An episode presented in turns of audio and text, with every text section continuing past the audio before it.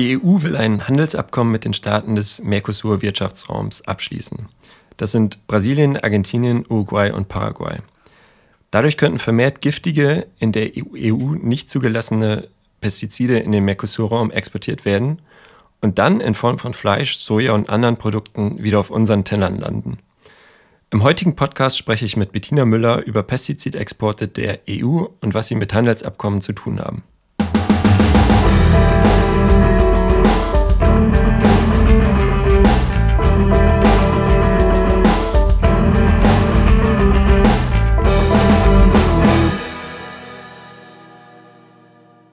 Ja, Bettina, die Pestizidhersteller aus der EU exportieren Pestizide unter anderem in den Mercosur-Raum, die in der EU nicht zugelassen sind. Ähm, wie ist das möglich, dieser Widerspruch? Ja, das ist möglich, weil die EU zwar innerhalb ihres Gebietes die Nutzung von nicht zugelassenen Pestiziden einschränkt, gleichzeitig aber den Export aus ihrem Raum dieser Pestizide nicht einschränkt. Es gibt da jetzt so ein Best-Practice-Beispiel von Frankreich, äh, das ein Gesetz erarbeitet hat, dass die Herstellung, Lagerung und globale Vermarktung von nicht zugelassenen Pestiziden, also die eben nicht zugelassen sind, weil sie negativ sich Auswirkungen auf Mensch und Umwelt äh, verbietet. Aber das wird erst 2022 in Kraft treten. Theoretisch könnte auch Deutschland äh, mit dem derzeitigen Pflanzenschutzgesetz die Ausfuhr von Pestiziden ähm, äh, ähm, außerhalb der EU verbieten, die eben äh, nachweislich äh, Schäden für Mensch und Umwelt anrichten. Aber das ist bislang noch nicht äh, passiert. Und tatsächlich wäre es natürlich hilfreich, so ein entsprechendes Gesetz, wie es Frankreich auch entwickelt hat, zu entwickeln. Aber die Agrarlobby bzw. die Pestizidlobby ist da sehr groß.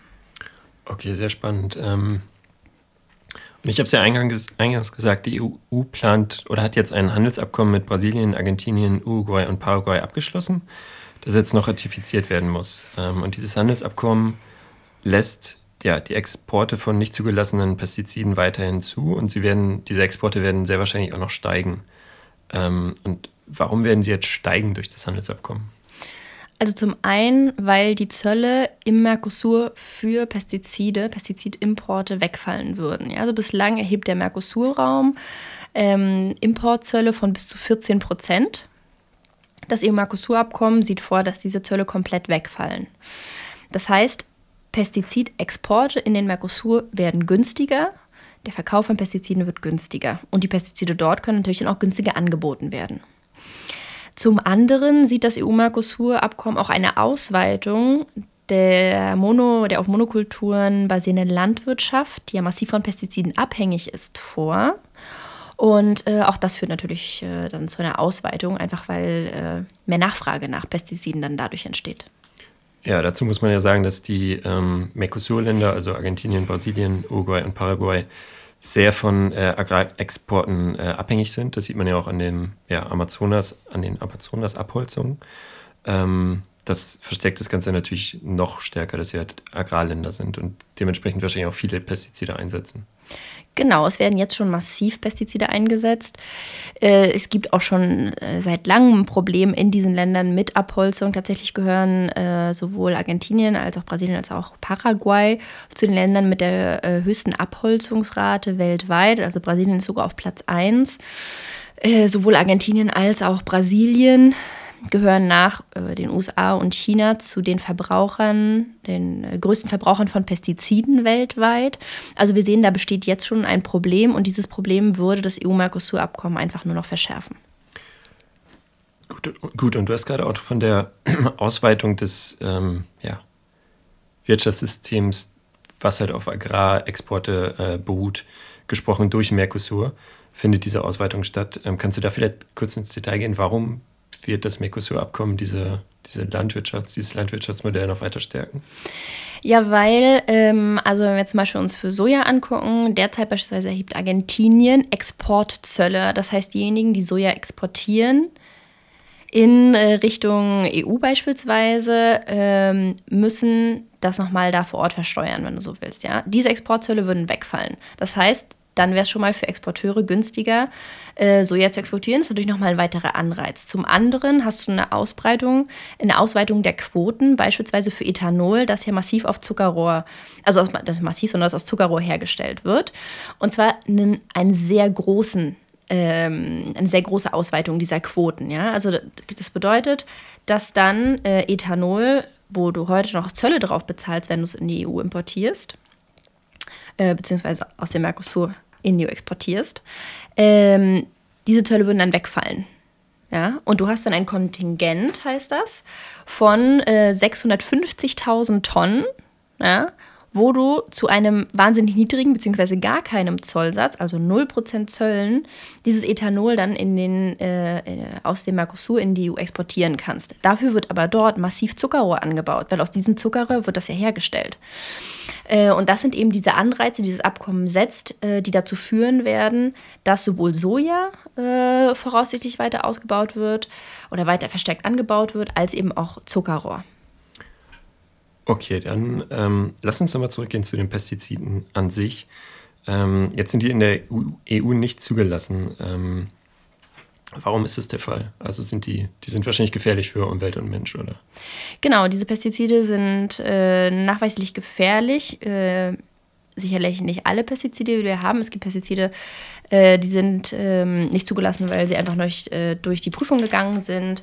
Äh, du hast aber einen Großteil tatsächlich ähm, wo gefunden wurde, dass äh, die Schäden anrichten, sei es äh, am Genmaterial äh, der Menschen, sei es ähm, der langfristigen Gesundheit, für die Umwelt, für das Wasser und die Wasserreinheit. Und äh, es gibt natürlich auch immer wieder die Debatte um das ganze Thema Glyphosat. Deutschland hat jetzt beschlossen, bis 2023 spätestens ähm, keine, also Glyphosat nicht mehr zu genehmigen. Das wird ja 2022 soll die Genehmigung erneuert werden auf EU-Ebene. Und Deutschland hat gesagt, wir machen das nicht mehr, weil Glyphosat eben so schädlich ist. Das ist ja der Bestseller von Bayer und Monsanto beispielsweise, auch in den Mercosur-Ländern und das am meisten dort verbrauchte äh, Pestizid. Und das richtet eben massive Umwelt- und vor allem auch Gesundheitsschäden an.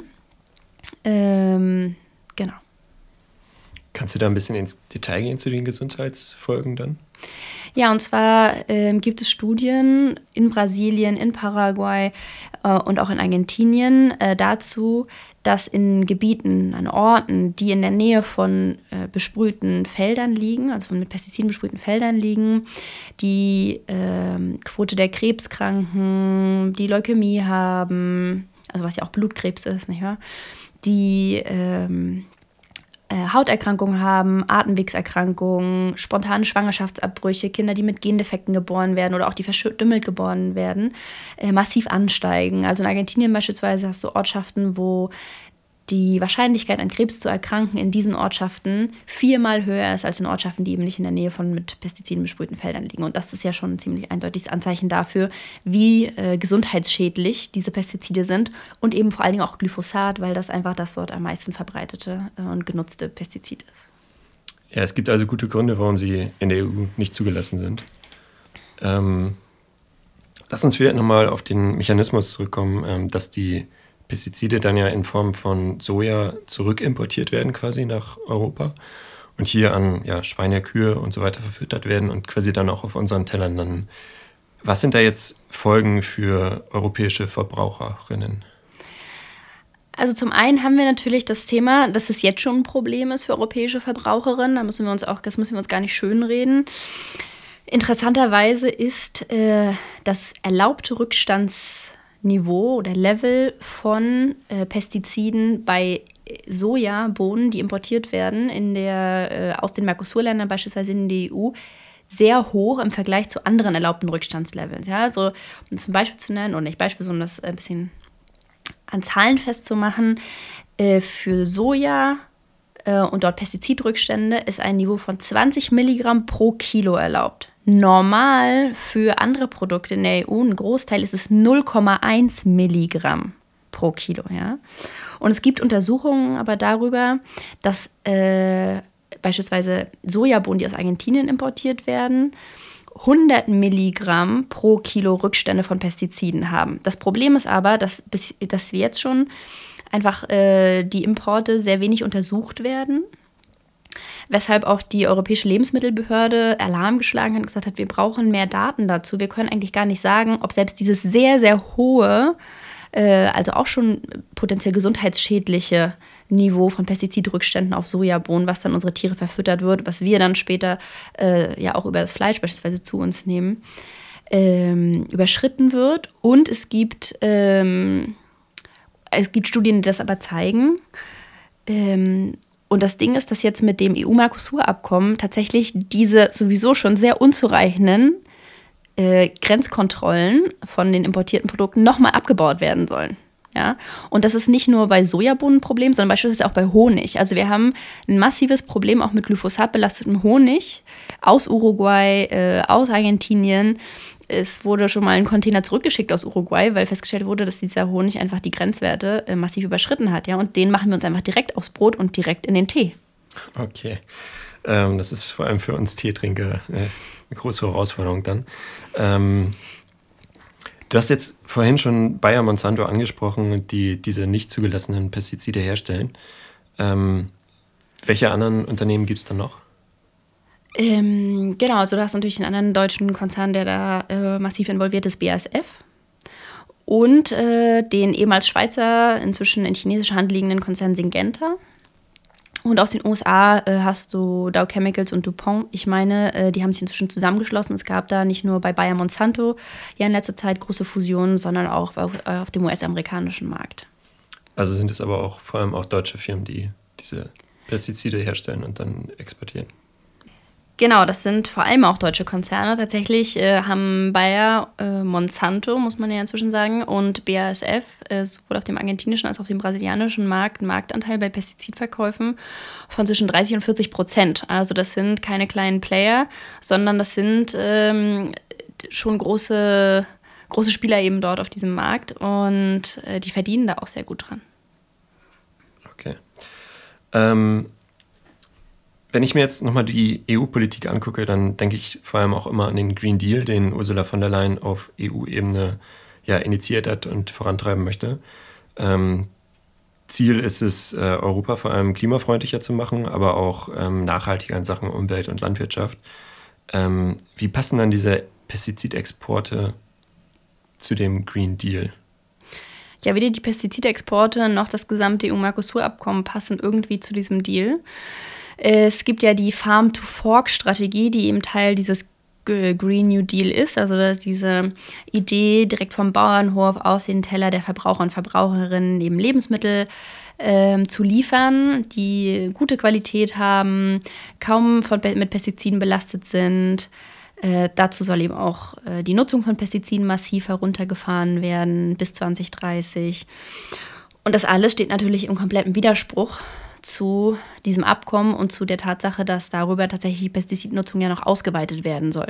Wohlgemerkt natürlich nicht bei uns, sondern äh, in den Mercosur-Raum, was ja auch interessant ist. Also wir lagern die Probleme eigentlich aus. Ja, und das, was dann hier bei uns nicht mehr äh, produziert oder möglicherweise nicht mehr erlaubt ist, reimportieren wir dann zwar äh, und vergiften aber eben andere äh, Menschen in anderen Teilen der Erde. Und auch das ist natürlich nicht nachhaltig und vor allen Dingen auch im Sinne der globalen Gerechtigkeit ein großes Problem. Ja, und vor allem ist es nicht sichtbar. Es hat so ein bisschen was von aus den Augen, aus dem Sinn. Genau. Okay, ähm, dann abschließend, was sind jetzt deine und PowerSheds Forderungen ähm, an die EU-Kommission, an die EU-Handelspolitik in Sachen ähm, Mercosur-Abkommen und ähm, Pestizidexporte? Also zum einen fordern wir natürlich dass äh, das, was jetzt auch in Frankreich äh, Gesetz geworden ist, auf EU-Ebene Gesetz wird, ja, also dass du weder hier, äh, äh also in den EU-Ländern Pestizide, die nicht zugelassen sind, aufgrund von umwelttechnischen ähm, und auch gesundheitlichen Bedenken, dass die weder hier hergestellt, noch gelagert, noch eben exportiert werden bzw. verkauft werden dürfen, auch außerhalb der EU. Das ist eine der Kernforderungen und zum anderen darf dieses EU-Mercosur-Abkommen äh, so nicht verhandelt, also nicht, äh, so nicht abgeschlossen werden, beziehungsweise so nicht ratifiziert werden, äh, weil es aufgrund der Pestizide und aufgrund einer ganzen Reihe von anderen Überlegungen, sei es Klimawandel, sei es menschenrechtliche Bedenken, sei es die Abholzung des Regenwaldes, äh, ein großes Problem ist. Genau, die ähm, viele der anderen Probleme haben wir schon mal in einem anderen Podcast behandelt. Ähm, vielen Dank, Bettina, für diesen wieder interessanten Einblick in das EU-Mercosur-Abkommen. Ähm, Wenn ihr da draußen das Abkommen weiter verfolgen wollt, aber auch alle anderen Abkommen, zu denen wir so arbeiten und die vielleicht in der Tagespresse jetzt nicht so häufig vorkommen, ähm, würde ich euch gerne unseren Newsletter ans Herz legen, den ihr auf power-shift.de abonnieren könnt. Ähm, bleibt uns hier beim Podcast auch treu und ja, folgt uns auch gerne auf Social Media. Bis demnächst.